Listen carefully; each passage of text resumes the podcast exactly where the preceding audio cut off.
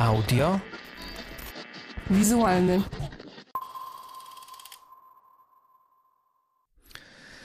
Dzień dobry i dobry wieczór. Karol Szafraniec i podcast audiowizualny, czyli podcast o filmach i szeroko rozumianej kulturze audiowizualnej. E, witam się po raz kolejny, witam się po raz pierwszy w 2022 roku. E, no i oczywiście witając się warto powiedzieć, że podcast jest bardzo jak na razie efemeryczną produkcją. E, pojawiało się kilka w 2020 roku odcinków, w 2021 było ich niewiele, troszkę urwał się ten podcast w momencie e, publikowania odcinków związanych z Nowymi Horyzontami. Urwał się z powodów e, rodzinno-osobisto-zdrowotnych i jakoś tak już potem nie za bardzo było okazji do tego, żeby powrócić do nagrywania w tamtym roku.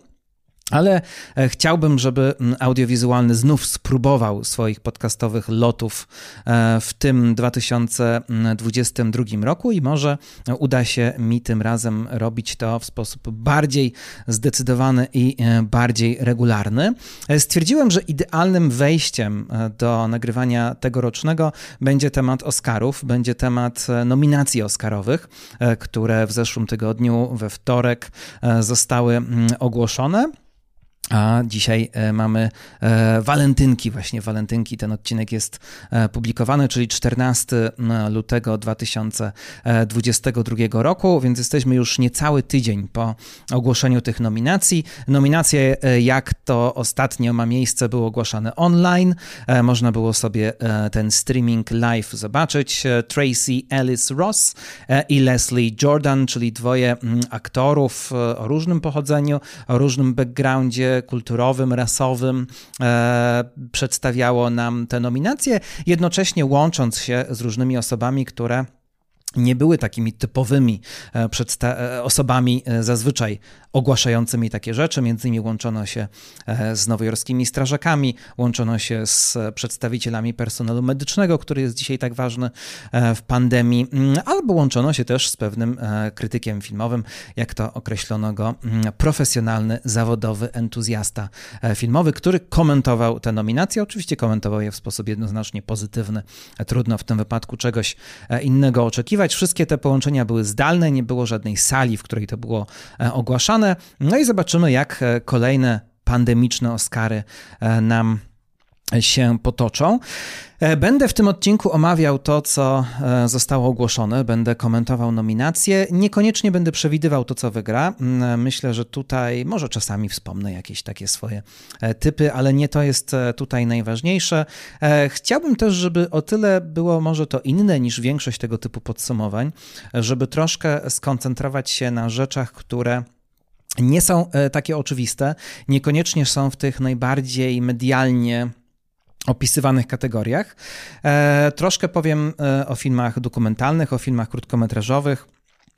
Dlatego, że żyjemy w takim bardzo specyficznym czasie teraz, e, kiedy jakby ogarnialność wszystkiego tego, co jest nominowane do Oscara, jest dużo bardziej dostępne, dużo bardziej możliwe dla zwykłego e, odbieracza kultury. E, kiedyś nawet myślę krytycy filmowi niewiele wiedzieli o tych filmach krótkometrażowych, o tych filmach zwłaszcza krótkometrażowych, dokumentalnych czy animowanych, które były nominowane, bo trzeba było naprawdę być nieźle obytym w światowych festiwalach, dużo na nie jeździć, wiedzieć co, gdzie jest pokazywane, żeby wszystkie te filmy ogarniać, a nawet filmy pełnometrażowe, niektóre były pokazywane tylko w Stanach Zjednoczonych i był do nich jeszcze e, trudny dostęp.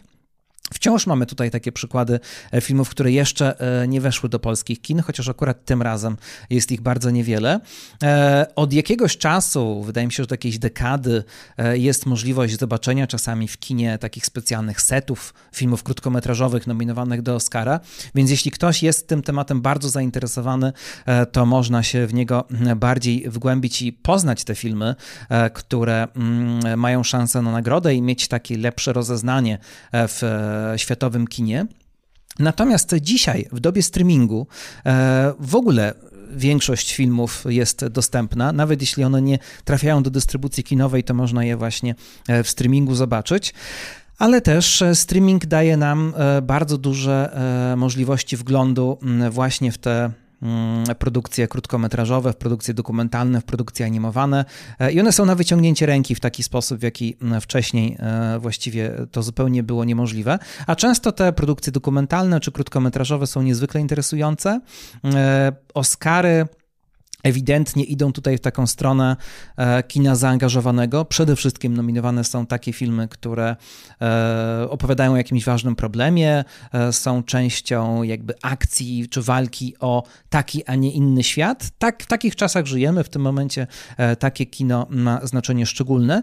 No ale też warto powiedzieć, że kino dokumentalne w ogóle jest w bardzo dobrej formie. Nawet w Polsce mamy sporo festiwali tylko poświęconych dokumentom, także poświęconych właśnie dokumentom dokumentom związanym, e, które są związane ze sprawami społecznymi. Więc ja troszkę o tych właśnie mniej znanych kategoriach opowiem. Opowiem też, gdzie można zobaczyć e, te wszystkie filmy, które są e, nominowane, ale oczywiście nie będę mówił tylko o tym.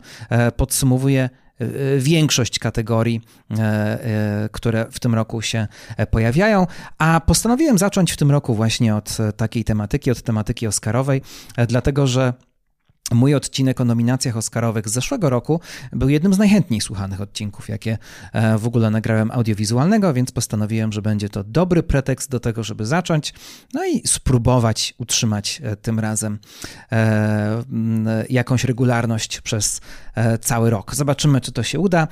Natomiast zaczynamy omawianie Oscarów od efektów specjalnych.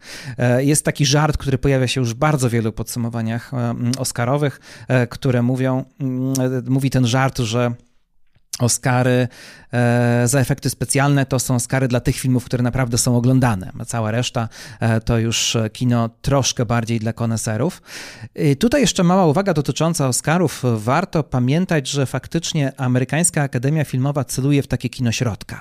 Moglibyśmy powiedzieć, że mm, rynek, pieniądze załatwiają kino komercyjne e, i te filmy komercyjne mm, są tak chętnie oglądane cały czas. Jednak ciągle to kino eskapistyczne zarabia najwięcej więcej. E, nawet jeśli w e, tych filmach, na przykład superbohaterskich, pojawiają się pewne odniesienia do mm, rzeczywistości, no to jednak przede wszystkim służy to jakiejś ucieczce, jakiemuś byciu e, w innym świecie. No więc skoro te filmy są nagradzane finansowo, są nagradzane pieniędzmi, wobec czego nie ma być może już potrzeby nagradzać ich jeszcze mm, czymś innym i podnosić przez to ich statusu, Filmy stricte artystyczne mamy na takich e, arthouse'owych festiwalach filmowych. Mamy oczywiście Cannes, Berlin, Wenecję mm, i inne festiwale i tam e, nagrody dostaje takie prawdziwe artystyczne kino.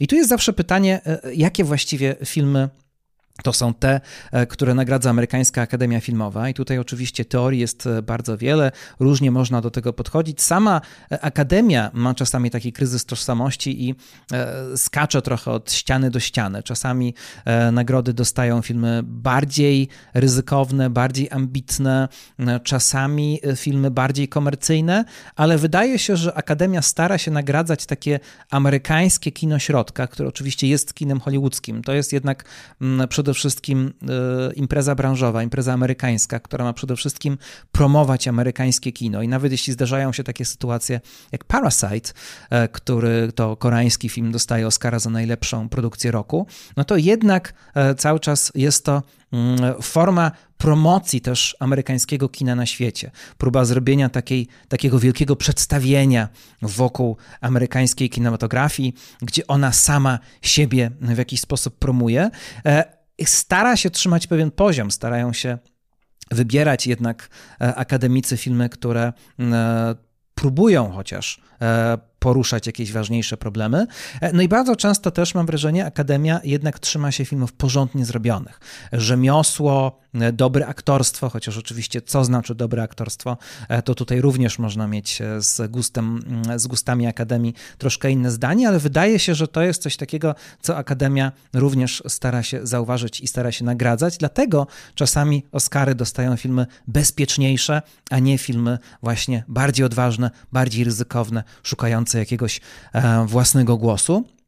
E, ale czasami oczywiście zdarzają się zaskoczenia. I o ile te nominacje tegoroczne mm, są mało chyba zaskakujące, wydaje mi się, że są dość bezpieczne i pod poza może paroma wyjątkami z, pokrywają się z takimi spodziewanymi typami, no tyle jednak pewne rzeczy tutaj są również bardzo interesujące i troszkę może wymykają się temu takiemu podążaniu bezpieczną drogą środka. Ale tak jak mówiłem, zacznijmy od tych efektów specjalnych. Tutaj chyba nic takiego bardzo interesującego nie będzie. Przede wszystkim w tej kategorii jest Spider-Man No Way Home, czyli film, co do którego niektórzy liczyli na to, że on dostanie nagrodę, czy dostanie nominację za najlepszy film roku. Cały czas oczekuje się na to, że to kino komiksowe zacznie być poważnie traktowane przez amerykańską akademię, bo Mamy dowody w historii, że można przecież e, robić znakomite, e, nawet wybitne kino na bazie komiksów. Ja osobiście cieszę się, że Spider-Man, ten najnowszy, nie dostał tej nominacji za najlepszy film. Dostał nominację za efekty specjalne, no bo jest to film pełen efektów specjalnych, ale ja osobiście to jest oczywiście tylko moje osobiste zdanie, natomiast jestem mm, troszkę już zmęczony tym kinem Marvela. Mam wrażenie, że ono jest bardzo mało e, inwencyjne, ono jest bardzo mm, podobne do siebie. To wszystko jest taka wielka magma filmowa i to nie był e, dobry rok dla mm, produkcji Marvela. E, a ten Spider-Man oczywiście z pewnością jest filmem, który ma w sobie coś przełomowego, ma w sobie coś ciekawego, jeśli chodzi o odniesienia do przeszłości, ale mam też wrażenie, że Spider-Man No Way Home działa przede wszystkim na tych, którzy mają sentyment do starych Spider-Manów i przez to pewne triki, które w tym filmie się pojawiają, bardzo oddziaływują na emocje. Jeśli ktoś do wcześniejszych ekranizacji Spidermana nie ma żadnego sentymentu, nie ma sentymentu do Tobiego Maguire'a na przykład, no to wtedy to zupełnie nie działa, więc jest to taki film dość mocno środowiskowy. E, Shang-Chi, e, kolejna produkcja Marvela tutaj, e, No Time to Die, czyli oczywiście nowy James Bond, Free Guy i Duna i być może Duna właśnie tutaj dostanie. Natomiast efekty specjalne w tym roku to po prostu filmy, które na różne sposoby wykorzystują grafikę komputerową e, CGI i nie ma tutaj moim zdaniem niczego specjalnie odkrywczego. E, jeśli chodzi o scenografię, to tutaj mamy oczywiście znowu Dune, mamy Załek Koszmarów Guillermo del Toro, e, mamy Psi Pazur Power of the Dog, czyli film, który w ogóle jest takim wielkim faworytem tego roku. Mamy tragedię Macbeta i West Side Story. No i zobaczymy, jak tutaj sytuacja się potoczy. Wydaje się, że Dune to jest taki film, który może dostać bardzo dużo nagród właśnie za to, jak wygląda, właśnie za ten e, zbudowany na ekranie świat, który jest bardzo specyficzny, bo jest bardzo estetyczny, na swój sposób minimalistyczny, a jednocześnie robi wrażenie. E, I wydaje się, że to nie są typowo hollywoodzkie scenografie. No ale z drugiej strony Nightmare Alley, czyli Załek Koszmarów Guillermo del Toro, to jest taki film, który ma bardzo jakby dopracowany też ten aspekt wizualny. West Side Story ma w sobie ten klimat retro. No a tragedia Macbeta sama w sobie jest bardzo oryginalna wizualnie i oczywiście przede wszystkim ten film polega na mm, zdjęciach, ale mm, zobaczymy, e, co tutaj dostanie tę nagrodę. E, charakteryzacja mm, to oczywiście charakteryzacja jej fryzury. E, tym razem e, nazywa się ta nagroda. E, I tutaj mamy jedyną nominację dla Księcia w Nowym Jorku 2, Coming to America. Film dość jednoznacznie skrytykowany, ale okazuje się, że znaleziono dla niego tutaj takie, taką możliwość zaistnienia. Mamy tutaj Cruelle, mamy oczywiście Dune, mamy Oczy Tammy Faye, film, o którym powiem jeszcze troszkę więcej. No i Dom Gucci, House of Gucci. To jest taki film, przy którym warto się trochę bardziej zatrzymać, bo ja e, no, będę tutaj wtrącał czasami swoje pewne osobiste mm, opinie na temat niektórych tych filmów. E, pewnie zauważyli, y, zauważyliście, że mm, House of Gucci to film, który ma bardzo różne opinie. Jedni absolutnie ten film odsądzają od czci i wiary w, e, na wszystkie możliwe sposoby. Ale są też tacy i krytycy, i blogerzy, i youtuberzy, i podcasterzy, którzy ten film bardzo lubią, również w Polsce i którzy go docenili. Wydaje mi się, że e, Ridley Scott jedzie po bandzie w tym filmie. E, I ja osobiście jestem fanem tego filmu. Ja osobiście w ogóle lubię Ridleya Scotta w takim trybie sardoniczno-cyniczno-kiczowatym czy kampowym. Dla mnie Ridley Scott to w ogóle taki twórca troszkę bez właściwości, który jest po prostu dobrym rzemieślnikiem, który ma pewne stałe tematy, które powracają w jego filmach, ale to jest człowiek, który w pewnym momencie sprzedał duszę po prostu amerykańskiemu rynkowi e, i takiemu dobremu, nawet bardzo dobremu rzemiosłu czasami, bo czasami też Ridley Scott potrafi robić e, niesamowicie nieudane rzeczy. E, ale w ciągu ostatnich 30 lat mam wrażenie, że najwięcej jakiegoś takiego jakiejś takiej ikry jest właśnie w tych filmach, w których um, po pierwsze Ridley Scott jest bardzo złośliwy wobec świata, które pokazuje, e, a po drugie właśnie wtedy, kiedy igra z kiczem i z takim nieśmiesznym, ale bardzo złośliwym humorem, właśnie takim brytyjskim, sardonicznym, przyciężkawym może trochę, ale bardzo charakterystycznym i wychodzą wtedy filmy cudaczne, ale mające w sobie coś fascynującego. Um, I takimi filmami dla mnie jest Hannibal, e, takim filmem jest e, oczywiście Adwokat, bardzo niesamowity film. No i teraz właśnie e, House of Gucci, e, film, w którym właściwie wszystko jest wypełnione jakąś taką skrajną ironią i gdzie naprawdę Ridley Scott właśnie mm, postanawia nie przejmować się granicami dobrego smaku. Jedni to załapali, inni nie. Wydaje się, że amerykańscy e, przyznawacze nagród raczej tego filmu nie kupili, e, bo mamy tutaj złotą e, nominację do Złotej Malinki dla Jareda Leto. No i Lady Gaga nie dostała też nominacji za najlepszą rolę, czego się spodziewano, więc jednak ten film odrzucono, ale też fakt, że ten film ma, nie ma wielu nominacji do Złotych Malinek pokazuje, że też traktuje się go trochę ostrożnie, na zasadzie takiej, a nuż kiedyś to się okaże jakiś kultowy hit, więc też nie nie krytykujmy tego filmu e, przesadnie. E, może się tak okazać. Dla mnie House of Gucci to film, który e, podobnie jak Showgirls Paula Verhoevena może jeszcze faktycznie mieć właśnie taki odbiór kultowy w przyszłości. Co mamy dalej? Mamy montaż. Jesteśmy przy tych kategoriach takich bardzo technicznych. No i tutaj oczywiście nie patrz w górę. Jedna z niewielu nominacji dla tego filmu. Duna, chociaż jest to film oparty na bardzo powolnym montażu, ale takim montażu, który zdaje się być bardzo przemyślany. King Richard, znowu The Power of the Dog i Tick Tick Boom. Kto wie, czy Tick Tick Boom właśnie tutaj nie dostanie. W końcu jest to film, e, który mm, jest e, jakby e, nawet w jakimś sensie sam tytuł pokazuje, że jest to film gdzieś oparty na rytmie. Natomiast ciekawi mnie tutaj brak West Side Story mm, Spielberga. E, piosenka, e, tutaj właściwie e, prawie wszyscy uważają, że mm, oczywiście Billie Eilish i piosenka napisana mm, wraz z jej bratem, czyli stały tandem, to jest ta piosenka, która dostanie tego Oscara. Ja bym jednak bardzo chciał, No Time to Die to moja ulubiona mm, piosenka bondowa od czasu Skyfall, czyli od stosunkowo niedawna, ale tamta piosenka dostała Oscara i wydaje mi się, że No Time to Die zasługuje, tym bardziej, że jest to piosenka taka przestrzelona, bo ona się pojawiła i zdobyła wielką popularność jeszcze e, przed pandemią, no a potem oczywiście pandemia opóźniła e, sam film, no i z tego wyszły rozmaite problemy, że piosenka jakby zaczęła żyć troszkę bez kontekstu filmu. Dźwięk Belfast, Duna, No Time to Die, Power of the Dog i West Side Story. Zobaczymy, jak tutaj się to potoczy.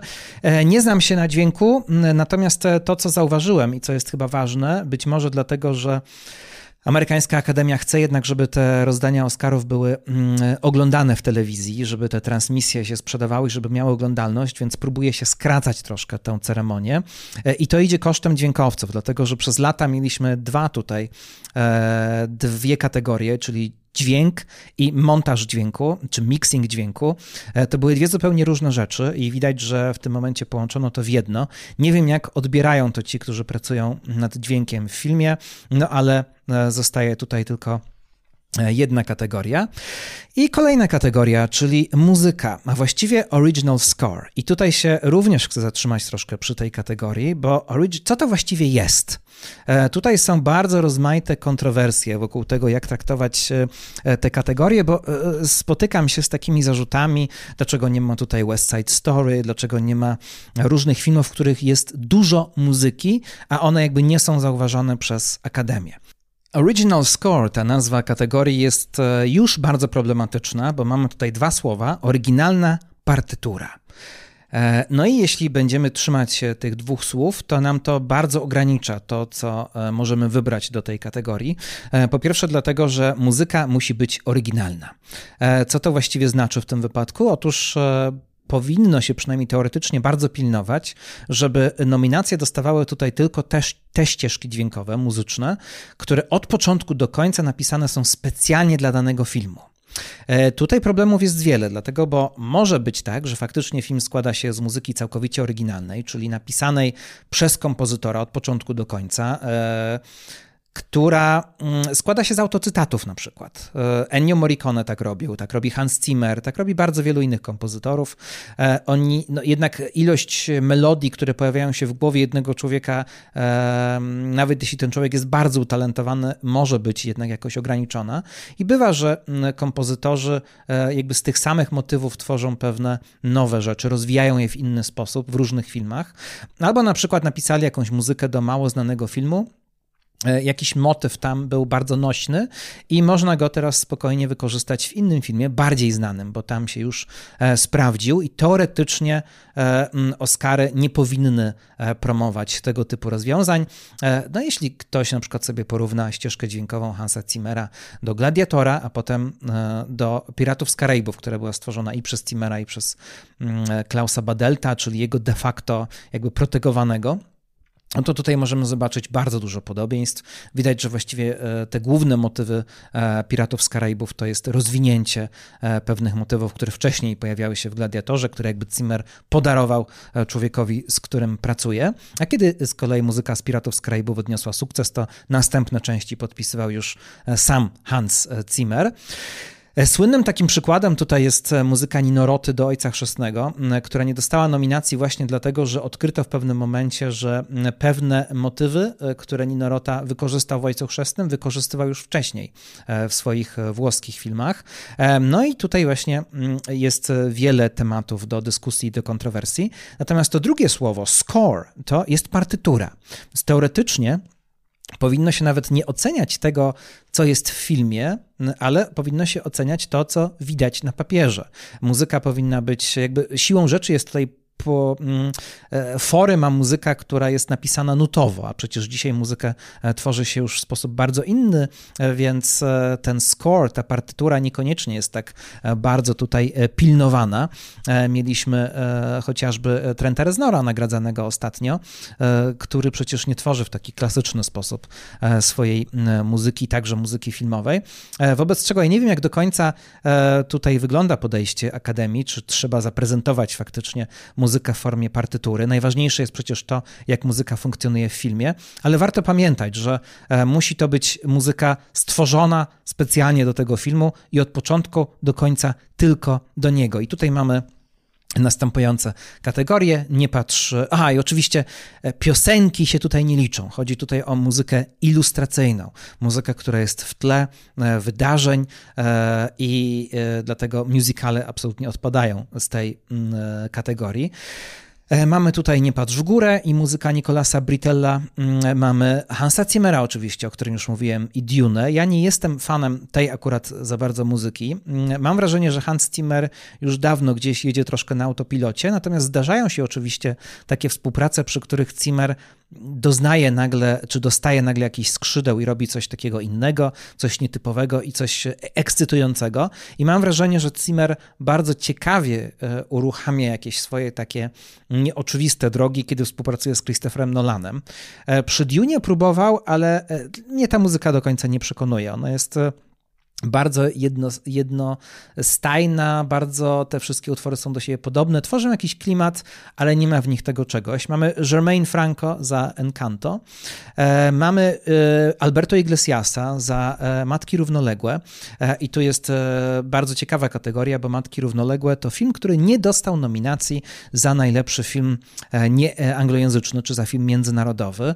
Hiszpania tego filmu w ogóle nie wystawiła, co ciekawe, stawiając na film film Szef Roku, który nominację nie dostał, ale Alberto Iglesias, stały współpracownik Pedro Almodovara, tutaj został zauważony przez e, przez e, Akademię. E, no i jest faktycznie ta muzyka Iglesiasa tak po Hitchcockowsku robi bardzo dużo napięcia w Matkach Równoległych. E, no i mamy oczywiście Power of the Dog, Jane Campion, królowa absolutnie tego rozdania nominacji oscarowych i mamy tutaj Johnego Greenwooda. E, niektórzy narzekają na brak Aleksandra Desplata mm, i muzykę jego do ostatniego filmu e, Wesa Andersona. Faktycznie Desplat robi tam bardzo niezwykłą, taką zapadającą w pamięć muzykę, aczkolwiek Desplat jest takim niezłym wyrobnikiem po prostu hollywoodzkim. Niemniej jednak tym razem faktycznie stworzył muzykę, która E, jakoś tam się wyróżnia i może szkoda, że nie została zauważona. Natomiast no ja oczywiście tutaj kibicuję Johniemu Greenwoodowi. E, to jest w ogóle jego rok, to jest kilka jego ścieżek dźwiękowych, bo również e, między innymi ścieżka dźwiękowa do Spencer.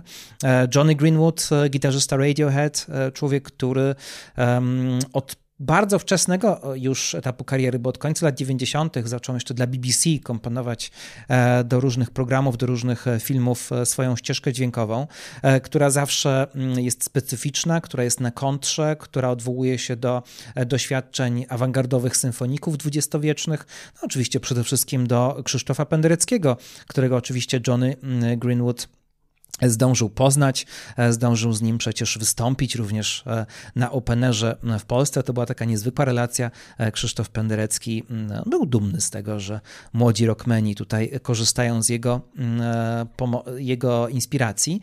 Natomiast no, Greenwood jest ważną postacią po prostu współczesnej muzyki filmowej, między innymi dlatego, że on jakby wnosi coraz bardziej do mainstreamu jakiś zupełnie inny język, zupełnie inne podejście, nie tylko do mm, harmonii, do tego, co jest akceptowane jako muzyka muzyka filmowa, ale też e, często jego muzyka działa na kontrze wobec obrazu, jest pewnego rodzaju kontrapunktem, a nie jest po prostu ilustracją emocjonalną, chociaż nią też bywa. No i oczywiście e, w Power of the Dog ta muzyka e, spełnia bardzo niezwykłą rolę Natomiast często się oskarża Akademię Amerykańską e, Filmową o to, że jej gust muzyczny jest również tutaj bardzo bezpieczny, bardzo, bardzo konserwatywny. Dlatego Johnny Greenwood niekoniecznie tego Oscara może dostać. No a z drugiej strony muzyka mm, Hansa Zimmera do Duny, nawet jeśli nie jest muzyką e, jakąś e, dla mnie zachwycającą, też nie jest typowym takim wypełniaczem emocjonalnym materii filmowej, więc zobaczymy. Wydaje mi się, że tutaj muzyka Alberto Iglesiasa jest czymś o wiele bardziej klasycznym, e, więc może w tę stronę właśnie pójdzie Akademia, dlatego go zauważono, bo jednak nie chce się nagradzać takich dziwadeł jak bardzo głośny Zimmer e, czy mm, kontrapunktowy Johnny Greenwood. E, kostiumy Cruella, Cyrano, Dune, Cyrano, film, który właśnie też tutaj został zauważony. Niektórzy również liczyli na większe jego sukcesy. E, Duna, e, Zaułek Koszmarów, West Side Story, e, czyli znowu takie filmy, które ładnie wyglądają. Zupełnie nie wiem, co tutaj mm, będzie miało swoją największą szansę. No i teraz przejdę do filmów krótkometrażowych. Jest to oczywiście kategoria, która jest dla nas bardzo ważna, e, dlatego że mamy tutaj ogromny sukces, czyli film Sukienka. E, kolejny film, który produkuje Maciej Ślesicki, który jest nominowany do Oscara. Mieliśmy Klątwę Ondyny wcześniej. E, tutaj mamy mm, film fabularny, film, który został stworzony przez Tadeusza Łysiaka w, w ramach Warszawskiej Szkoły Filmowej. No jest to ogromny też sukces aktorki Anny Dzieduszyckiej. Myślę, że to e, bardzo niezwykła postać, bardzo charyzmatyczna e, i bardzo cieszę się, że sukienka właśnie w ten sposób została zauważona. A ten film opowiada o nisko rosłej kobiecie, o jej mm, poczuciu odrzucenia, o jej samotności, e, o jej samotności także w takim kontekście romantyczno-erotycznym. Więc no jest to temat, który mm, może wydawać się ryzykowny, który można było na bardzo różne sposoby źle opowiedzieć, a tutaj dostaliśmy naprawdę naprawdę przejmującą historię, e, no i jak się okazuje i dobrze zrobioną, i dobrze zagraną. E, I jest to też po prostu ważny film, który faktycznie podejmuje jakiś e, społeczny temat, ale realizuje się też właśnie w dobrej formie. Kolejny film, który tutaj się pojawia, Ala Kaczu Take and Run, to film, którego nie zobaczymy e, w żaden sposób w Polsce. Z tego, co e, udało mi się zobaczyć, nie ma możliwości obejrzenia go również w internecie, a jest to produkcja z Kirgistanu, chociaż jest to też koprodukcja ze Szwajcarią.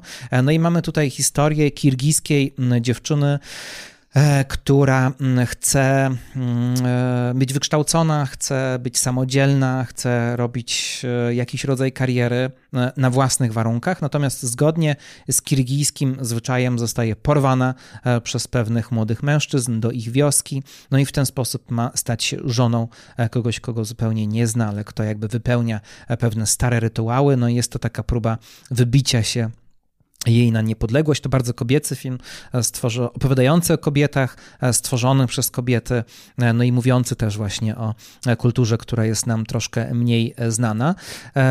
Kolejny film, który tutaj z Sokienką będzie konkurował, to film Please Hold, czyli film z Ameryki, film o zautomatyzowanym więzieniu. To jest taka, taki krótki metraż science fiction, mówiący o sytuacji człowieka, który według algorytmu został uznany za winnego pewnej zbrodni i trafia właśnie do więzienia, które jest całkowicie zautomatyzowane. Tu jest takie pytanie o to, jak będzie wyglądał system penitencjarny w czasach całkowitej automatyzacji. E, no i jak to oczywiście wygląda, to nie dowiemy się na razie, bo ten film również nie jest dostępny e, w Polsce, nie można go niestety zobaczyć. E, kolejny film, e, również konkurent naszej sukienki i również film, którego niestety nie zobaczymy w Polsce, to duńska produkcja On My Mind. Tytuł On My Mind po angielsku, dlatego że odnosi się do piosenki Always On My Mind Elvisa Presleya, znana choćby też z coveru e, Petro Boys, a opowieść jest o karaoke i o pewnym mężczyźnie, który przychodzi do baru karaoke i mówi, że koniecznie musi teraz zaśpiewać tę piosenkę i jest w stanie zrobić potężne burdy, żeby do tego doprowadzić i to jest sprawa życia i śmierci. E, z trailerów, z fragmentów tego filmu możemy się dowiedzieć, że jest to chyba taka typowa e, utrzymana w takim duńskim poczuciu humoru, e, poważno, śmieszna, słodko-gorzka opowieść faktycznie o sprawach ostatecznych, a wywiady z reżyserem mówią, że między innymi zainspirowała E, do nakręcenia tego filmu zainspirowała go historia e, z jego córką, która była długo chora, a potem zmarła i między innymi efektem żałoby jest właśnie powstanie On, On My Mind. E, z kolei film The Long Goodbye można zobaczyć. Jest to jedyny konkurent sukienki, który jest dostępny mm, w Polsce do obejrzenia. I to jest film brytyjski, film Amelie Anila Kari i film, który kto wie, czy nie jest faworytem w tej kategorii. Niestety, e, mówię to z przykrością, że być może sukienka tutaj przegra e, na przykład właśnie z tym filmem. E, jest to bardzo mocny film, który można zobaczyć na YouTubie, bez oczywiście polskiego tłumaczenia, ale jest dostępny. Film z Rizem Ahmedem, tym z Sound of Metal w roli głównej. Poruszająca rzecz, mówiąca o mieszkańcach jakiegoś tam miejsca w Wielkiej Brytanii, e, którzy oczywiście e, nie są biali, którzy pochodzą e, ze wschodu i którzy w pewnym momencie zostają zaatakowani przez radykalnych prawicowców. I w centrum tego filmu znajduje się poruszający, bardzo mocny monolog Rizy Ahmeda na temat brytyjskości, na temat kolonializmu, na temat brytyjskiej tożsamości, stosunku do brytyjskiej flagi, e, do wielu innych rzeczy. E, film, który porusza bardzo ważny w tym momencie problem, bo Wielka Brytania jak cały świat zachodu oczywiście w jakiś sposób mierzy się e, z multikulturowością, w jakiś sposób mierzy się z dziedzictwem kolonializmu, ale też trzeba przyznać, że wydaje się, że Brytyjczycy przez długi czas mm, trzymali taki czy, czy, utrzymywali taki obraz siebie jako kraju, w którym e, ta integracja przebiega wyjątkowo dobrze, a wszystko to, co jest jakimś wybuchem przemocy, jest jakimś błędem e, w systemie, ale błędem potwierdzającym generalnie dobrą regułę. E, Brytyjczycy ubrali sobie taką twarz bardzo tolerancyjnych, bardzo sympatycznych ludzi, którzy jakby błędy kolonializmu, swojego imperializmu przełożyli na coś dobrego. Natomiast teraz, kiedy dochodzą do głosu ci, którzy nie są biali i którzy budują własne narracje na temat brytyjskości i zaczynają wyciągać e, pewne elementy e, związane właśnie z kolonializmem, z ewidentnym rasizmem, e, no to mm, już w Wielkiej Brytanii odbierane jest to różnie. I to, co to właściwie znaczy być Brytyjczykiem, to jest jedno z bardzo ciekawych pytań, które w tym filmie się pojawia. Mam takie wrażenie trochę, że w The Long Goodbye są też takie echa dawnych filmów Elana Clarka, gdzie również pojawiał się temat tego, czy czym jest angielskość, czym jest brytyjskość, ale z punktu widzenia klasowego, z punktu widzenia e, tych, którzy są jakby wyrzutkami e, tego społeczeństwa pod e, względem ekonomicznym chociażby. E, natomiast tutaj właśnie mamy bardzo mocny głos ze strony tego, tego, tej kwestii zderzeń kulturowych, zderzeń tożsamości kulturowych. Bardzo ciekawy film, polecam, żeby zobaczyć i yy, nie wiem, czy właśnie tutaj nie będzie to yy, faworyt. Także yy, to mamy live action short film, czyli krótki film e, fabularny, aktorski. E, I teraz przechodzimy do animacji. I tutaj mamy filmy, które w większości można zobaczyć, i to jest między innymi bardzo fajne. O ile animacje pełnometrażowe, mm, e, tak jak mówiłem, mm, e, tak jak będę mówił za chwilę, e, to filmy przede wszystkim dość bezpieczne, to tutaj w tych animacjach krótkometrażowych można bardzo różne filmy zobaczyć. Mamy między innymi kanadyjską kwestię smaku, Affairs of the Art, film, który jest dostępny na YouTubie, na kanale New Yorkera, można go tam zobaczyć. Film kanadyjski to nie jest nic dziwnego, dlatego że Kanada to jest cały czas potęga e, w animacji eksperymentalnej, w animacji e, autorskiej. E, bardzo tam ciągle ciekawe filmy powstają. E, no i tutaj mamy znaną autorkę filmów animowanych, która powraca do swojej starej bohaterki. E, to jest kolejny film e, z pewną kobietą, która żyje w artystycznej rodzinie i ta rodzina ma pewne dziwactwa i właśnie możemy w Affairs of the Art, czyli w kwestii smaku, to obejrzeć.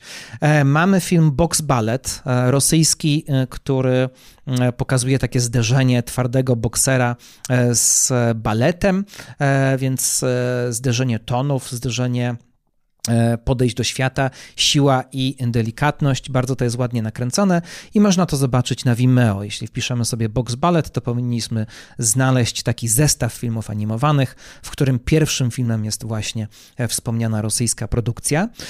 Na Netflixie możemy zobaczyć Robin Robin, czyli kolejny film nominowany do krótkiej animacji, czyli Rudzik Rudzia. Po polsku tak to się nazywa. Bardzo urocza, brytyjska, świąteczna animacja o ptaszku, który zostaje wychowany przez myszki. No i potem wszyscy się orientują, że to e, nie do końca jest e, to, mm, e, no, no, że to po prostu jest trochę inne stworzenie niż ci, co myśleli, ci, co go wychowywali, ale jest to taki film o tolerancji, o otwarciu się i bardzo tradycyjnie, bardzo pięknie zrobiony. Natomiast wydaje mi się, że w tej kategorii dwa bardzo mocne tytuły to e, Bestia. E, Bestia to chilijski film poklatkowy również, tak jak Robin Robin, czyli Rudzik Rudzia. E, chilijski film, który można zobaczyć na Vimeo. Krótki metraż animowany, niestety płatny, niestety, stety, no trzeba zapłacić tutaj twórcom, żeby można było ten film zobaczyć. Ta cena nie jest wgórowana. Jest to film, który ma bardzo ciekawy kontrast e, treści z formą, dlatego że mamy tutaj animację poklatkową, która kojarzy się właśnie z takimi e, słodkimi, e, przyjemnymi, beztroskimi klimatami. Tymczasem Bestia opowiada o autentycznej postaci, o kobiecie, która pracowała, która mieszkała w Chile, która jest, była dzieckiem niemieckich migrantów, którzy do Chile uciekli i którzy byli nazistami i która wychowywała się de facto w rodzinie kultywującej nazistowskie tradycje i która bardzo szybko stała się częścią systemu bezpieczeństwa reżimu Pinocheta, e, która była bardzo aktywną postacią i która właśnie nazywana była bestią, między innymi dlatego, że w latach 70. E, zajmowała się torturowaniem e, osób e, z opozycji, przetrzymywaniem ich w odpowiednich miejscach i te tortury były bardzo wymyślne. To były takie słynne więzienia chilijskie, w których torturowano między innymi seksualnie zarówno mężczyzn, jak i kobiety, ale zwłaszcza kobiety. Dużo z osób, które były w tych więzieniach potem znikły i nie wiadomo było właściwie, co się z nimi stało. No a bestia słynęła między innymi z tego, że trenowała psy. I trenowała te psy, których używała potem po to, żeby te psy gwałciły osoby przetrzymywane w tych miejscach. Więc bardzo mocna rzecz, ale opowiedziana tutaj w bardzo nietypowy sposób i szukająca w tej postaci bestii mniej oczywistych rysów. Pamiętajmy, kobieta wychowana w nazistowskiej e, kulturze, w, nazistowskim, w nazistowskiej mentalności, e, no i która potem jakby robiła to, co robiła, natomiast e, później ona jeszcze była ofiarą zamachu na jej życie i przez ostatnie 20 lat żyła z kulą w głowie, która nigdy mm, e, nie zrobiła jej większej krzywdy, ale którą też nie można było e, stamtąd usunąć, nigdy nie poniosła żadnych prawnych konsekwencji swoich działań za czasów mm, dyktatury Pinocheta.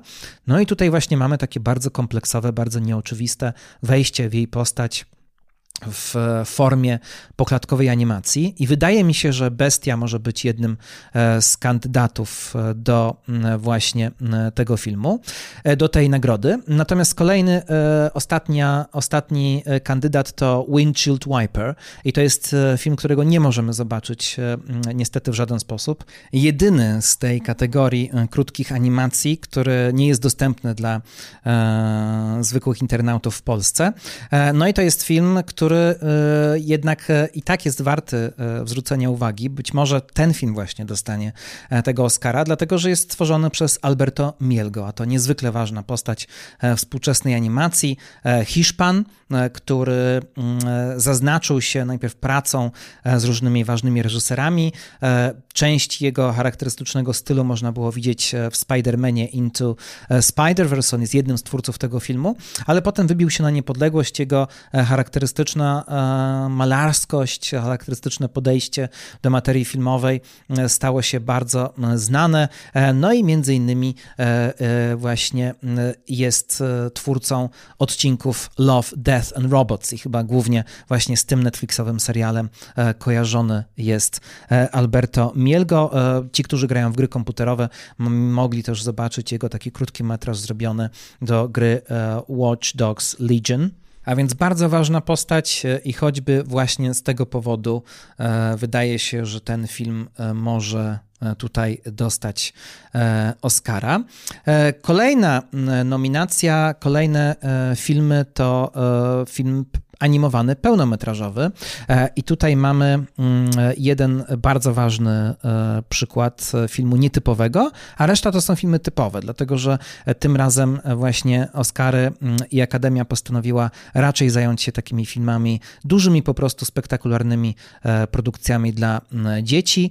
Troszkę może szkoda, dlatego że Netflix chociażby w tym momencie bardzo dużo robi, żeby promować animację jako, taki, jako taką pełnoprawną gałąź współczesnego kina. E, i nie wiem, szczyt bogów chociażby e, to pokazuje. No ale tutaj mamy Raje i Ostatni Smok, e, mamy Micheli kontra maszyny, Michaela Riandy, to jest chyba takie bardzo ciekawe nowe nazwisko, a Michele to też rzecz stworzona przez producentów Spidermana animowanego, więc warto tutaj się temu przyglądać. Być może Michele właśnie dostaną tego Oscara. Mamy też oczywiście Luke i Encanto, czyli Pixar Disney. Natomiast e, ostatnim filmem, e, na który tutaj warto zwrócić uwagę, bo jest to film inny, to jest Flea. I Flea to jest tytuł, który e, będzie powracać, e, dlatego że jest to e, produkcja bardzo ważna i bardzo znacząca. I jest to film, który wpisuje się w charakterystyczny nurt, który znamy już od jakiegoś czasu, czyli animowanego dokumentu. Flea to film, który po polsku nazywa się Przeżyć i który jest właśnie ubraną w tę formę animacji opowieścią bardzo osobistą, bardzo intymną o Afgańczyku, czyli coś też bardzo jakby związanego związanego e, z dzisiejszymi problemami, który przyjechał do Europy, e, przyjechał do Danii, tam jest akademikiem, e, tam odkrył też swoją tożsamość seksualną, odkrył to, że jest gejem, a jednocześnie w pewnym momencie on musi odkryć też swoją przeszłość, bo to jego pochodzenie w jakiś sposób jest ukrywane, w jakiś sposób jest dla niego samego problematyczne, więc te różne kategorie tożsamościowe, które są w nim, e, odkrywają się nawzajem e, w tym filmie i Przeżyć Flea to film, który jest nominowany jako najlepszy e, jako najlepsza animacja pełnometrażowa, ale też jako najlepszy dokument. A więc właśnie w tych kategoriach tutaj mamy coś takiego.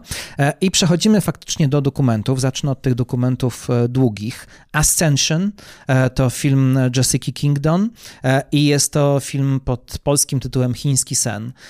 Niezwykła wizualnie opowieść o chińskim wzroście, o chińskim kulcie postępu i o tym, jak, jakim kosztem Chińczycy wznoszą potęgę swojego współczesnego państwa. Attica to film opowiadający o buncie w więzieniu Attica w 1971 roku. To jest film mówiący o niesprawiedliwych, zwłaszcza rasowo i społecznie, przepisach amerykańskich, co było szczególnie właśnie wtedy w 71 zauważone. Przeżyć, czyli wspomniany Flea, czyli ta animacja dokumentalna o Afgańczyku w Danii. Writing with Fire, e, Ogniem Pisane, e, film e, indyjski, film o kobietach, które założyły w jednym z, ze stanów w Indiach portal internetowy i gazetę, gdzie, który jest tworzony całkowicie przez kobiety i te kobiety walczą tam z seksizmem i z patriarchatem indyjskim, co ma o tyle znaczenie, że wszyscy pamiętamy z mediów bardzo brutalne gwałty, które miały miejsce w tym kraju i które poniekąd wynikają z tamtejszej tradycyjnej kultury. I właśnie tutaj mamy kobiety, które przede wszystkim temu chcą się sprzeciwić, szukają źródeł takiego, a nie innego traktowania kobiet i właśnie założyły własne media. Natomiast faworytem tutaj w tej kategorii jest Summer of Soul, e, czyli Film e, zrobiony przez Questlowa, e, członka The Roots, który to film był też w Polsce w kinach. Wszedł do polskich kin w listopadzie, miał regularną polską dystrybucję ale niewiele kin go zagrało, niewiele w ogóle w tym, o tym filmie w Polsce mówiono, a tymczasem e, na bardzo wielu listach e, różnych krytyków światowych Summer of Soul funk funkcjonuje nie tylko jako jeden z najlepszych dokumentów 2021, ale w ogóle jako jeden z najlepszych filmów 2021 roku. E, film o alternatywnym Woodstocku, o czarnym Woodstocku, o festiwalu kultury e, w Harlemie e, w 69 roku. To był taki festiwal, który odbywał się co roku, ale wtedy w 69 miał szczególne znaczenie, miał szczególne znaczenie polityczno-kulturowe, kiedy to czarnoskórzy mieszkańcy Nowego Jorku jakby odzyskiwali własną tożsamość, odzyskiwali własną siłę. Nina Simone, e, Sly and the Family Stone, B.B. King, Stevie Wonder, pokaz takiego odzyskiwania czarnej muzyki dla czarnych e, i też e, rzecz polityczna, dlatego że policja nie chciała tego ochraniać, więc musiały to ochraniać czarne pantery. A dodatkowo e, materiały z, tego, mm, z tych koncertów, poza materiałami e, z koncertu Niny Simon, które były znane i były pokazywane wcześniej, właściwie były nieznane przez te wszystkie lata. Questlove do nich dotarł, e, odczyścił i jest to taki film, w którym found footage miesza się ze współczesnym komentarzem. Bardzo poruszająca, bardzo niezwykła rzecz. Jak się okazuje, w Polsce E, nie jesteśmy tak bardzo zainteresowani czarną muzyką. To jest temat na osobny w ogóle, być może podcast, osobny odcinek o tym, jak chętnie słuchamy muzykę bazującą na czarnych wzorcach, ale którą wykonują raczej biali e, wykonawcy. Natomiast e, no, teraz to się zmieniło, ale przez lata tak było. A czarnej muzyki tworzonej przez czarnych słuchali w Polsce przede wszystkim muzycy a niekoniecznie tacy przeciętni odbiorcy muzyki. E, to jest bardzo ciekawa rzecz, więc tutaj mamy film e, dokumentalny. Natomiast e, krótki metraż dokumentalny to są rzeczy, które możemy obejrzeć. Audible, e, Niech mnie usłyszą, e, to opowieść o mm, e, niesłyszącym sportowcu, który skończył specjalną szkołę właśnie dla osób niesłyszących i który wchodzi w świat sportu i ten film dostępny jest na Netflixie. Zaprowadź mnie do domu, Lead Me Home, również film na Netflixie, który opowiada o bezdomności na zachodnim wybrzeżu Stanów Zjednoczonych. To jest problem, zwłaszcza teraz po pandemii, bardzo, bardzo zauważalny. Zawsze był, ale zauważany teraz e, jeszcze bardziej. E, The Queen of Basketball to akurat film, którego nie można zobaczyć w Polsce. Przynajmniej jego e, nigdzie nie znalazłem, i to jest film o kobiecie, koszykarce, o kobiecym Michaelu Jordanie, o Lucy Harris. Bardzo nawet w Stanach Zjednoczonych mało znanej czarnoskórej zawodniczce, matce E, kobiecej koszykówki, niezwykłej postaci, zapomnianej i właśnie ten film e, stara się e, ją przypomnieć. Trzy pieśni mm, dla Benazir, czy piosenki dla Benazir, Three Songs for Benazir, film afgański, który również można zobaczyć na Netflixie. Film, który opowiada o E, pewnym mężczyźnie, e, który stara się ułożyć, e, ma pewne ambicje, a jednocześnie jakby problemy społeczno-polityczne wokół nie pozwalają na to, żeby on toczył to swoje życie w taki sposób, w jaki by chciał. Tutaj też jakby połączenie życia rodzinnego z ambicjami wojskowymi, z pochodzeniem tutaj mają znaczenie i ten film, tak jak mówiłem, na Netflixie. Natomiast ostatnia rzecz, bardzo wydaje się interesująca, to film, którego już nie zobaczymy niestety, E, ale ma on polski tytuł, więc być może będzie dostępny niedługo gdzieś. When We Were Bullies, e, czyli kiedy byliśmy łobuzami.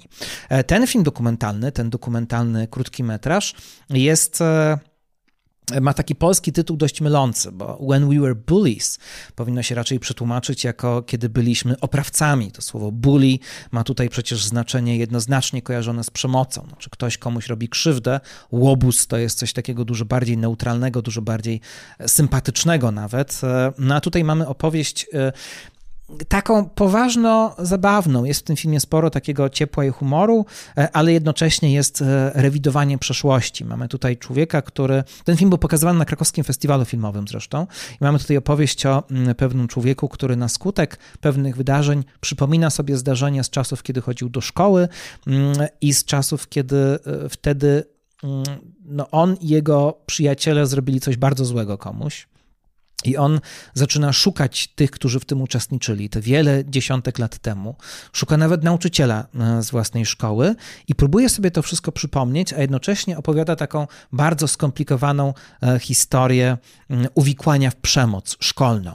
I to też jest taki temat, który dzisiaj się pojawia, dzisiaj jakby zaczyna być omawiany. Ja myślę, że zwłaszcza ci, którzy wychowywali się w latach 90. i chodzili wtedy do szkoły, to mają na ten temat e, dużo do powiedzenia, więc nawet nawet e, w takim kontekście ten film być może warto by było u nas zobaczyć, może niedługo się właśnie pojawi.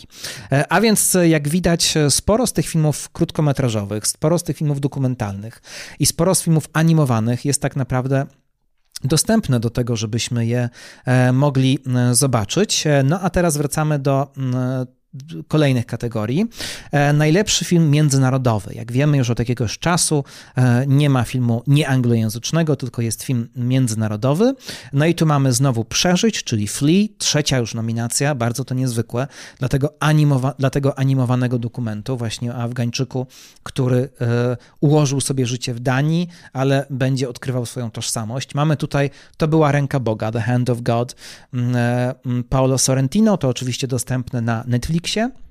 Mamy film z Butanu, jednego z najmniejszego krajów świata, i to jest coś, co e, bardzo ekscytuje mm, publiczność e, światową i opinię międzynarodową.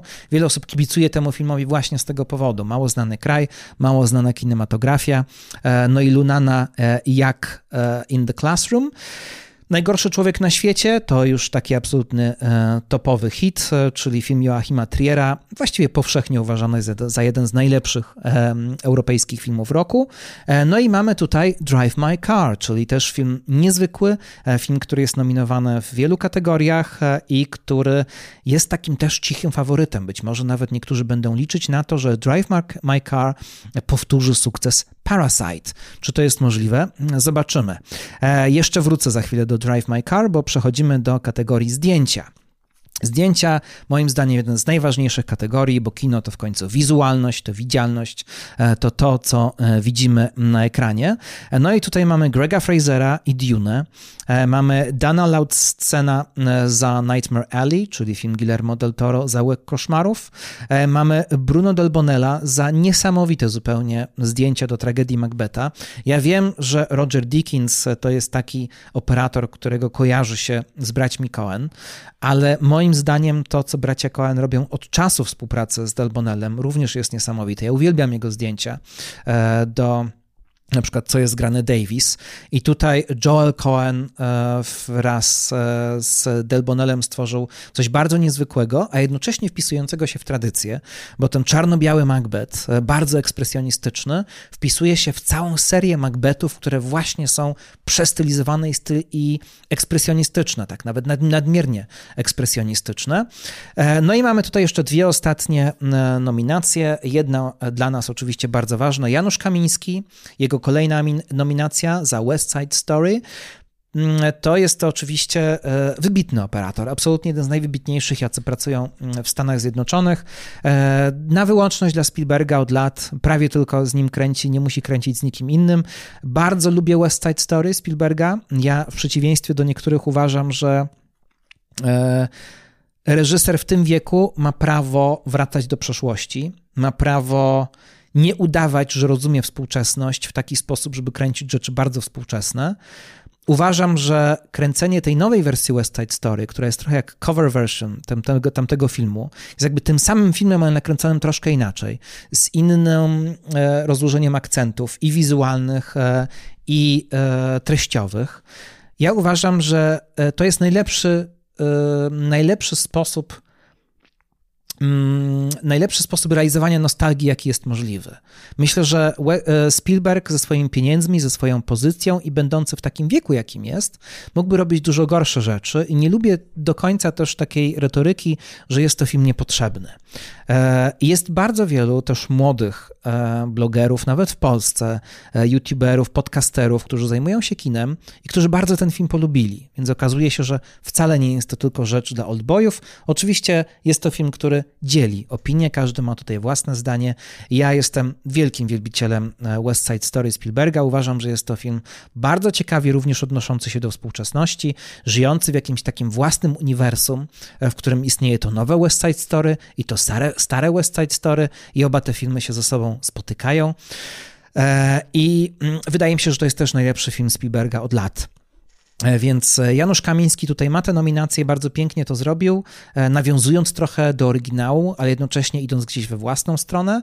Natomiast wydaje mi się, że tutaj Oscara jednak dostanie Ari Wegner, też dlatego, że jest kobietą. Być może oczywiście to nie jest tak, że z góry można coś takiego narzucić Akademii, ale po prostu wielu członków Akademii, bo to jest bardzo demokratyczne wbrew pozorom głosowanie, to jest mnóstwo osób, może po prostu chcieć dać e, Oscara za zdjęcia kobiecie. To jest ciągle jeden z najbardziej zmaskulinizowanych zawodów filmowych e, i mm, im więcej operatorek, tym myślę, że ciekawiej. No i właśnie Power of the Dog tutaj ma szansę. A jeśli nie Power of the Dog, to moim zdaniem Bruno Delbonnel za e, tragedię Macbeta. Powoli, powoli zbliżamy się do tych najważniejszych kategorii. Scenariusz oryginalny. Mamy tutaj Belfast Kennetha Branacha, czyli kolejny taki film, który jest zanurzeniem się w nostalgii znanego reżysera, którym, w którym opowiadał o swoim dzieciństwie. I podobnie jest z innym filmem w tej samej kategorii, czyli Licorice Pizza Paula Thomasa Andersona, również jego autorski scenariusz. E, no i to film, który oczywiście przenosi nas do lat 70. do Kalifornii. Co ciekawe, zarówno Belfast, jak i Licorice Pizza to filmy e, uwielbiane przez jednych, a krytykowane przez innych. E, I krytykowane z tego samego powodu, to znaczy zarzuca się zarówno Andersonowi, jak i Kennethowi Branachowi, że takie zanurzenie w nostalgii sprawia, że nie zauważają pewnych problemów społeczno-politycznych, które były związane z tym czasem, które opisują. Wydaje mi się, że jest to zarzut o tyle chybiony, że przecież ktoś, kto jest dzieckiem w danej rzeczywistości, rzeczywistości e, nie ogarnia całości, nigdy nie ogarnia wszystkich problemów, które są wokół, a czasy dzieciństwa sprawiają też, że przecież e, rzeczy nawet te straszne wydają się czasami nie tak bardzo straszne, albo wydają się być jakby poza nami. E, I tak ci, którzy spędzili przecież dzieciństwo w czasie II wojny światowej, niektórzy bardzo specyficznie wspominają ten czas, wcale nie tak tragiczny, jak mogłoby się wydawać. Belfast Kennetha Branacha to oczywiście film, który opowiada o Irlandii Północnej i tutaj właśnie ten kontekst The Troubles, czyli tego konfliktu Irlandii Irlandii Północnej z e, Irlandią, tego konfliktu protestantów z katolikami, że jest go za mało tego kontekstu, to się zarzuca temu filmowi, a w Licorice Pizza zarzuca się Polowi Thomasowi Andersonowi e, brak właśnie rozmaitych rzeczy, chociaż moim zdaniem w Licorice Pizza wiele rzeczy jest, tylko one są jakby buzujące gdzieś pod spodem. Mamy tutaj jeszcze Nie patrz w górę Adama McKeya i Davida Siroty, jednak ten film e, i jego scenariusz został doceniony. E, King Richard, e, Isaac Bailin oraz europejski film, co ciekawe, Najgorszy człowiek na świecie, Eszkil Wond i Joachim Trier. No to wcale nieoczywiste, nieoczywisty wybór, ale jak się okazuje, coraz częściej Akademia działa w ten sposób, żeby filmy spoza Ameryki, spoza kontynentu amerykańskiego e, były e, gdzieś zauważane w tych nawet najważniejszych kategoriach. Natomiast jeśli chodzi o scenariusz adaptowany, to mamy tutaj Kodę, e, czyli film który jest remake'iem europejskiej produkcji, jeszcze do kody wrócę. E, Drive My Car, e, Ryusuke Hamaguchi Tama, e, Takamasa Oe, no i to oczywiście adaptacja, adaptacja opowiadania mm, Murakamiego. Mamy Dune, no i tutaj między innymi Villeneuve, ale też Eric Roth, czyli taki absolutny weteran amerykańskiego mm, scenopisarstwa. Córka i Maggie Gyllenhaal, Maggie Gyllenhaal, która sama zaadaptowała mm, książkę bardzo znaną. No i Jen Campion, który również sama e, zabrała się za książkę Power of the Dog i sama napisała według niej scenariusz. Niektórzy twierdzą, że to też takie charakterystyczne, że sporo tutaj mamy reżyserów, reżyserki, e, które same piszą sobie e, własne filmy. No i przechodzimy do bardzo ważnych kategorii, czyli do aktorstwa, to co niezwykle wiele osób interesuje. Zdaniem sporej części obserwatorów, aktorzy drugoplanowi tutaj są zaskakujący w pewnych e, sytuacjach. Aktorka w roli drugoplanowej, Jessie Buckley e, za córkę i Jessie Buckley jest taką bardzo w tym momencie lubianą postacią, e, znana choćby z filmu Charlie'ego Kaufmana, e, taka bardzo charakterystyczna, obdarzona specyficzną charyzmą.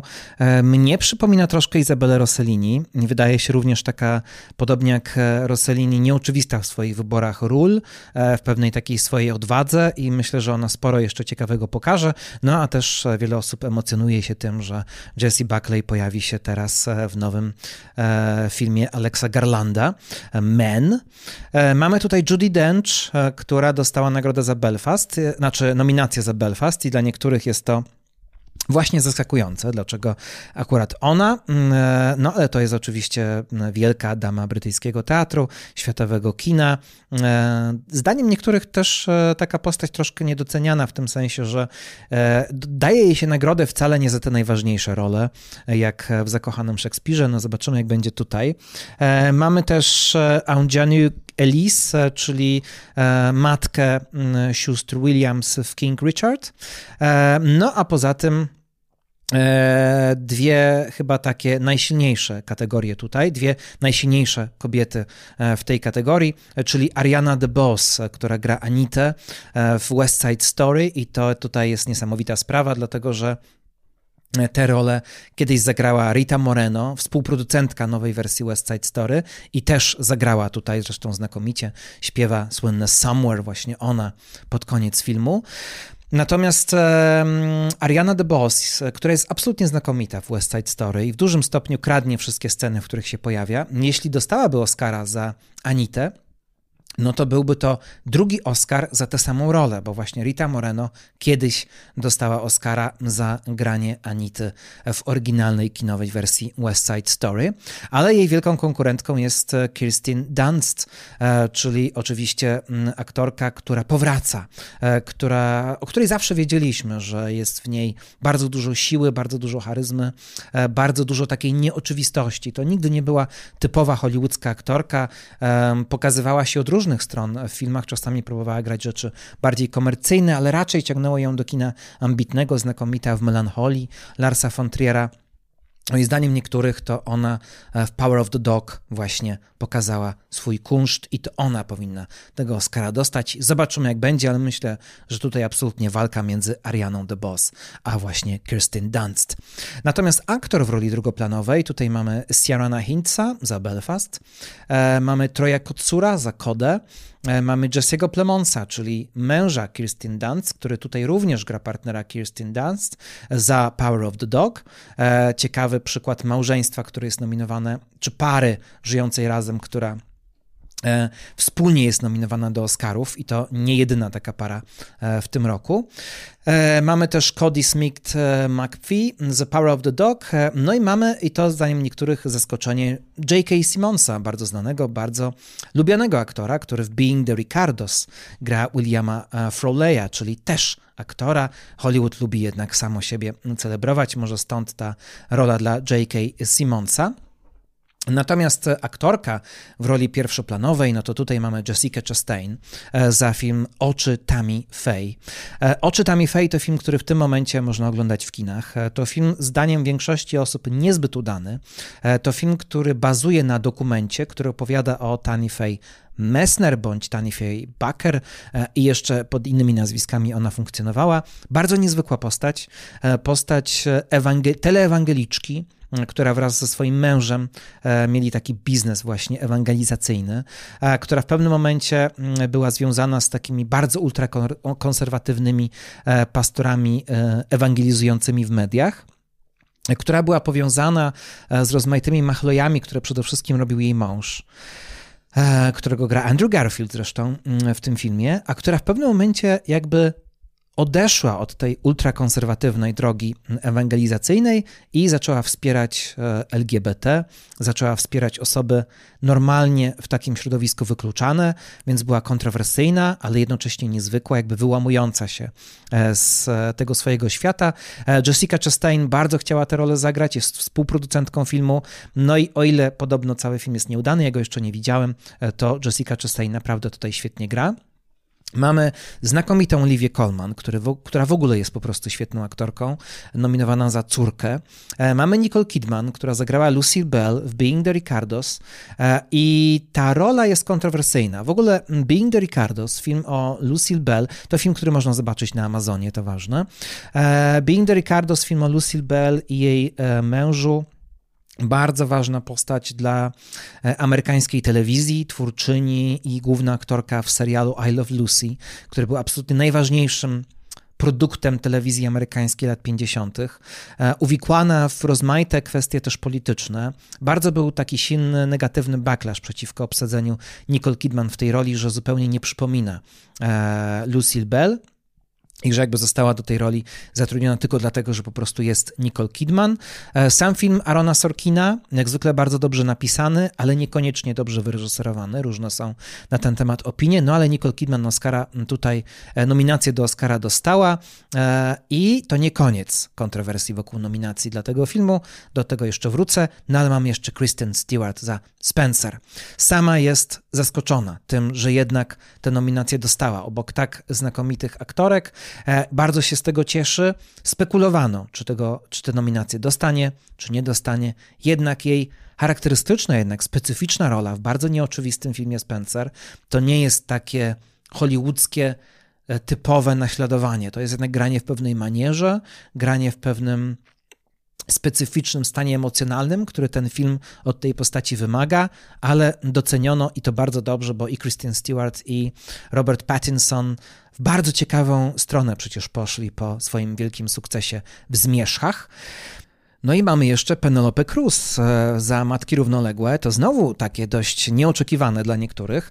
E, przypominam, że ten film nie był nominowany, nie był wystawiony przez Hiszpanię do Oscarów, ale mamy już nominację za muzykę, no i mamy nominację dla tej e, aktorki, którą Pedro Almodovar absolutnie uwielbia. O ile Matki Równoległe z różnych powodów mnie nie przekonują, wydaje mi się, że jest... Jest w tym filmie pewne napięcie, które się rodzi, ale które nigdy nie zostaje rozładowane do końca. E, jest w tym filmie jakaś nieuczciwość, jeśli chodzi o postawę głównej bohaterki wobec świata wokół. Jest w tym filmie, mam wrażenie, pewien szantaż związany z historią Hiszpanii, ale potraktowana ta historia jest dość pretekstowo i dość płasko, ale to jest tylko moja opinia. Mam też wrażenie, że troszeczkę ten film jest zrobiony już na takim almodowarowskim autopilocie, trochę jak późne Woody Alleny, e, gdzie nie ma już takiego, takiej dbałości o detal, tylko po prostu Almodowar jakby idzie swoim charakterystycznym krokiem, ale gdzieś gubi um, niezwykłość tej historii, przewrotność własnej historii, jakby stawiając taki historyczny morał ponad e, to wszystko, co w tej historii jest naprawdę e, ciekawe. Ale Penelope Cruz gra w sposób faktycznie bardzo zniuansowany, bardzo różnorodny. E, czy to jest jej najlepsza rola w ogóle, jak niektórzy twierdzą, nie wiem. Na mnie nie zrobiła aż tak wrażenia jak Wolverine na przykład, ale na pewno pokazuje tutaj większą gamę emocji niż w większości innych ról, w których gra, więc być może warto ją tutaj mm, za to docenić. E, no i mamy aktora w roli pierwszoplanowej, e, Benedict Cumberbatch, e, Power of the Dog i to jest absolutnie jeden z faworytów. Cumberbatch tutaj bardzo dużo robił, żeby wejść w tę rolę. Między innymi dwa razy był ofiarą zatrucia nikotynowego, więc być może takie poświęcenie sprawi, że Oscara dostanie. No jest tutaj absolutnym e, faworytem. Mamy Willa Smitha, który jest nominowany za King Richard, ale niekoniecznie wszyscy są miłośnikami tej roli akurat. Mamy Denzela Washingtona, który zagrał Macbeta. Macbeta czarnoskórego, ale przede wszystkim Macbeta sędziwego. To jest bardzo ciekawe, że Joel Cohen wybrał Denzela Washingtona i Frances McDormand jako parę E, Macbeta i Lady Macbeth, którzy nie są już młodymi ludźmi, narwanymi, ale ludźmi doświadczonymi, a którzy mimo wszystko robią to, co robią. E, Washington no, jest po prostu znakomitym aktorem i tym samym jest e, najczęściej nominowanym czarnoskórym aktorem w kategorii aktorskiej pierwszoplanowej. E, no i mamy jeszcze Javiera Bardema i tutaj mamy właśnie kolejne małżeństwo aktorskie e, i Penelope Cruz nominowana w pierwszoplanowej roli i Javier Bardem, a on z kolei wciela się w rolę Desi Arnaza w filmie Being the Ricardos Sorkina. E, już mówiłem o tym, że Lucille Bell i jej mąż Desi Arnaz to byli artyści, to byli bardzo ważni ludzie w telewizji amerykańskiej lat 50. Nie tylko pod kątem takim artystyczno-kulturowym, to co robili między innymi w I Love Lucy miało znaczenie dla Ameryki, ale też pod kątem takim przemysłowo-biznesowym. Sposób, w jaki organizuje się telewizję, w jaki organizuje się e, seriale, e, ma tutaj ogromne znaczenie. Co ciekawe, e, ta postać Lucille Bell, która tworzyła bardzo wiele rzeczy w amerykańskiej rozrywce, Pojawia się też e, nie pod własnym nazwiskiem i imieniem w filmie Licorice Pizza e, Paula Thomasa Andersona, więc warto może się jej troszkę przyjrzeć, bo e, I Love Lucy to jest takie zjawisko bardzo mało znane w Polsce, ale jeśli ktoś jest zainteresowany telewizją w ogóle, no to warto przyjrzeć się tej historii. No a mimo tego, że film Sorkina nie jest najlepszy, no to jednak troszkę nam e, przybliża to, co się e, wtedy wokół nich e, działo. Natomiast Desi Arnaz był Kubańczykiem z pochodzenia i tutaj mamy kolejny negatywny backlash. Tak jak mówiłem, Nicole Kidman nie jest zbyt dobrze odbierana przez amerykańską publiczność za to, że zagrała Lucy, Lucille Bell, natomiast również Javierowi Bardemowi się dostało, dlatego że on tutaj zagrał Kubańczyka i zdaniem niektórych osoba, która jest z Hiszpanii, nie powinna grać Kubańczyka, że jest tutaj rodzaj takiego kulturowego zawłaszczenia, że takie podejście pod tytułem ktoś, kto mówi po hiszpańsku, może zagrać kogokolwiek innego mówiącego po hiszpańsku, w dodatku, oczywiście, e, w tym momencie wchodzi do tego ten dawny kontekst kolonialny. E, no i bardzo było dużo takich negatywnych opinii na ten temat. Javier Bardem, co trzeba przyznać, podobnie jak Helen Mirren, jest jednym z takich bardziej odpornych na tego typu ataki mm, postaci w Hollywood. I on niewiele sobie z tego robi, ale też miał parę takich wypowiedzi, które są bardzo krytykowane, jeśli chodzi o to, w jaki sposób reagował na to. Między innymi mówiąc, że Hiszpanie są w Stanach Stanach Zjednoczonych mniejszością. I tutaj się zaczyna bardzo wielki, wielka dyskusja, co to znaczy bycie mniejszością e, i czy Hiszpania faktycznie w Stanach Zjednoczonych tą mniejszością są. E, I czy bycie e, członkiem jednej mniejszości uprawnia do tego, żeby jakby mówić w imieniu innej mniejszości, nawet jeśli posługują się te mniejszości tym samym językiem. To jest oczywiście taki bardzo dzisiejszy problem, bardzo współczesny, no ale gdzieś e, również e, aktorstwo i role filmowe w tym momencie są częściami tego typu e, dyskursów, które są ciekawe i które wynikają z ważnych problemów. Natomiast ostateczne jest pytanie, jak one wpłyną na to, w jaki sposób dobiera się chociażby aktorów do, filmach, do filmów. Jest tutaj jeszcze Andrew Garfield za Tick Tick Boom, e, który jest e, w tym momencie na, takim, na takiej fali wznoszącej. E, to jest aktor, który troszkę powrócił, który jest bardzo lubiany przez publiczność, który ma swój czas i który pokazuje się od bardzo różnych stron, więc nawet jeśli tego Oscara nie dostanie tym razem, a raczej wydaje mi się, że go nie dostanie, to jeszcze z pewnością wiele okazji przed nim. Dochodzimy do dwóch najważniejszych kategorii: najlepsza reżyseria i najlepszy film. E, najlepsza reżyseria to Kenneth Branagh za Belfast, e, Paul Thomas Anderson za Licorice Pizza, e, Jane Campion za Power of the Dog, Steven Spielberg za West Side Story i Ryusuke Hamaguchi za Drive My Car.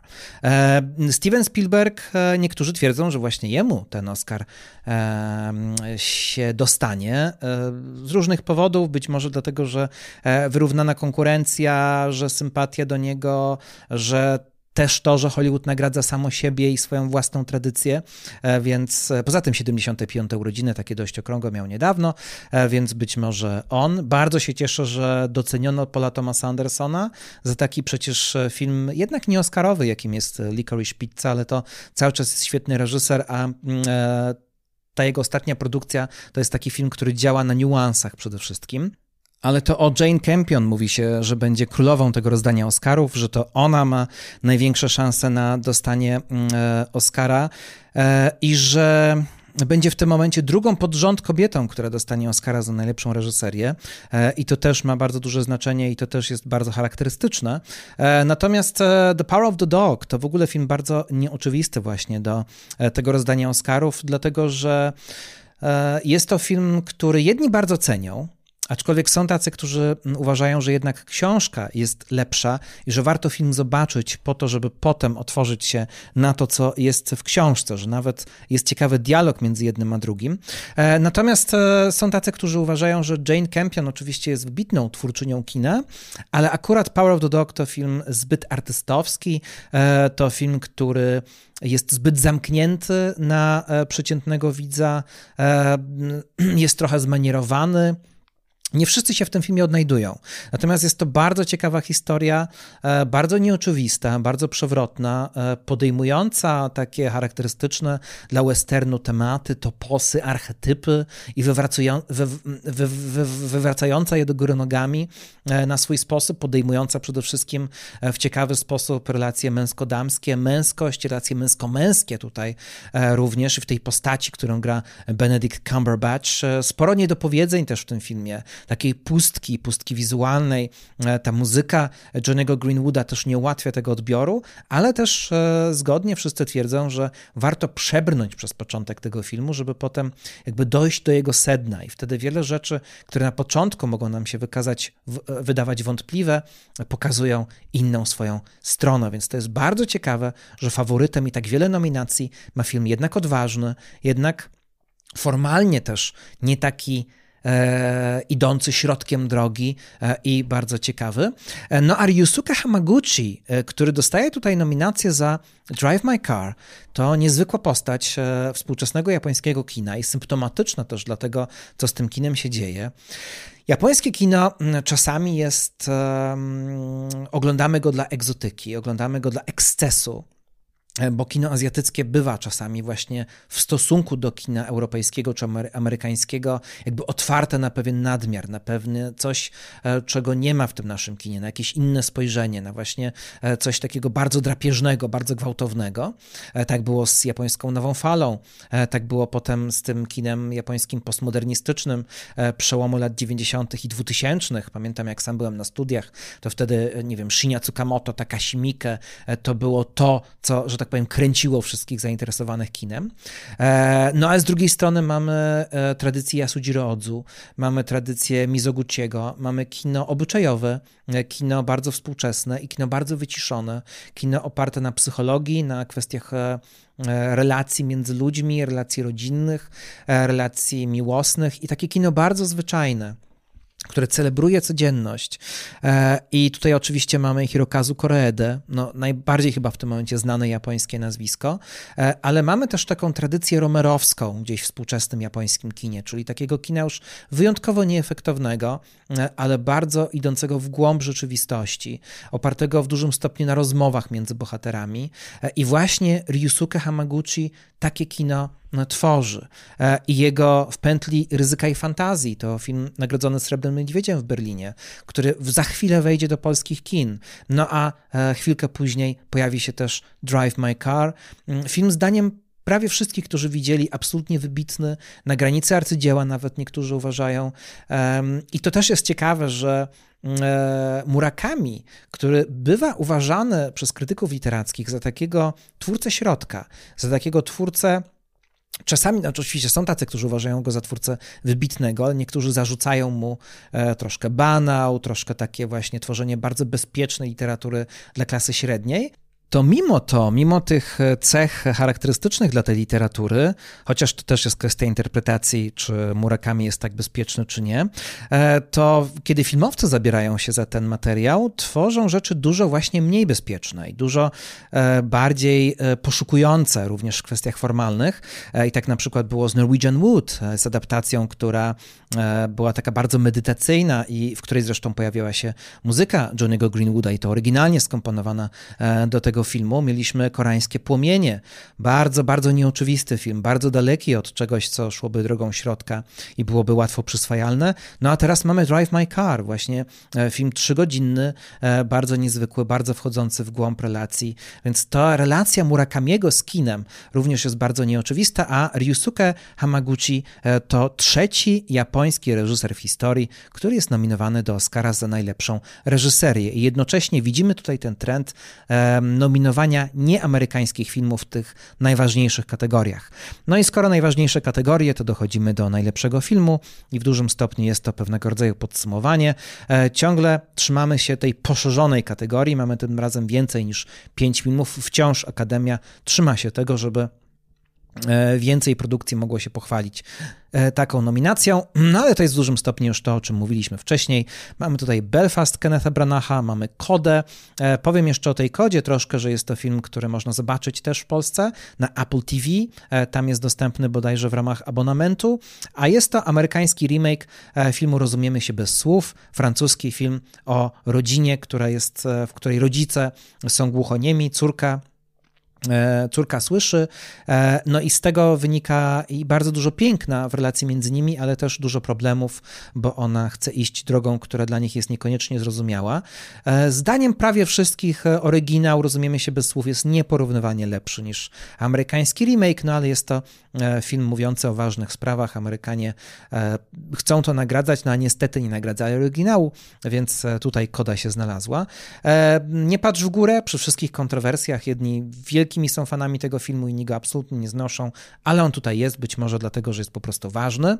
E, Duna, to jest e, jakby oczywiste. King Richard, Licorice Pizza, co ciekawe, e, Nightmare Alley, czyli Zaułek Koszmarów, film, który komercyjnie się w Stanach nie sprzedał, ale jednak ma pewne walory artystyczne, ale też ma Del Toro tym razem i zagorzałych zwolenników, i wielkich przeciwników. West Side Story, E, mamy Drive My Car, chyba już mówiłem o tym. No i oczywiście mamy The Power of the Dog. E, Drive My Car właśnie jest też ciekawy z tego powodu, że japoński film znalazł się w tej kategorii, więc niektórzy po cichu liczą na to, że skończy się jak z Parasite, ale prawdopodobnie jednak Power of the Dog, czyli Jane Campion będzie tutaj triumfować. Zobaczymy jak będzie. Końcówka marca to rozdanie Oscarów. E, wtedy o wszystkim się przekonamy. Natomiast to, co bardzo polecam, to żeby przyjrzeć się tym filmom, żeby poszukać tych rzeczy, które są nieoczywiste, które są na przykład krótkometrażowe, dokumentalne albo animowane, a które są dostępne. Można je zobaczyć, można sobie wyrobić własne zdanie i potem jak będziemy oglądać, albo słuchać, albo po prostu czytać o tym, kto Oscary dostał, to będziemy mieć troszkę głębszy wgląd w to, jak to z tymi nominacjami w tym roku było.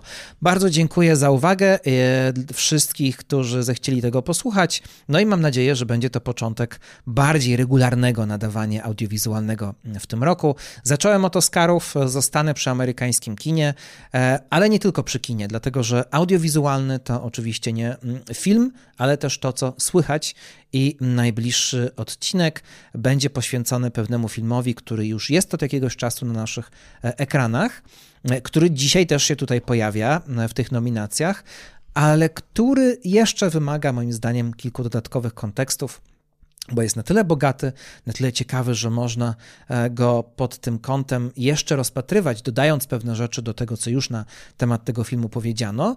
No a w dodatku można jeszcze opowiedzieć o pewnych kontekstach muzycznych, zwłaszcza jednego bardzo w tym roku ważnego artysty, nieżyjącego, ale którego osobowość ciągle ma znaczenie.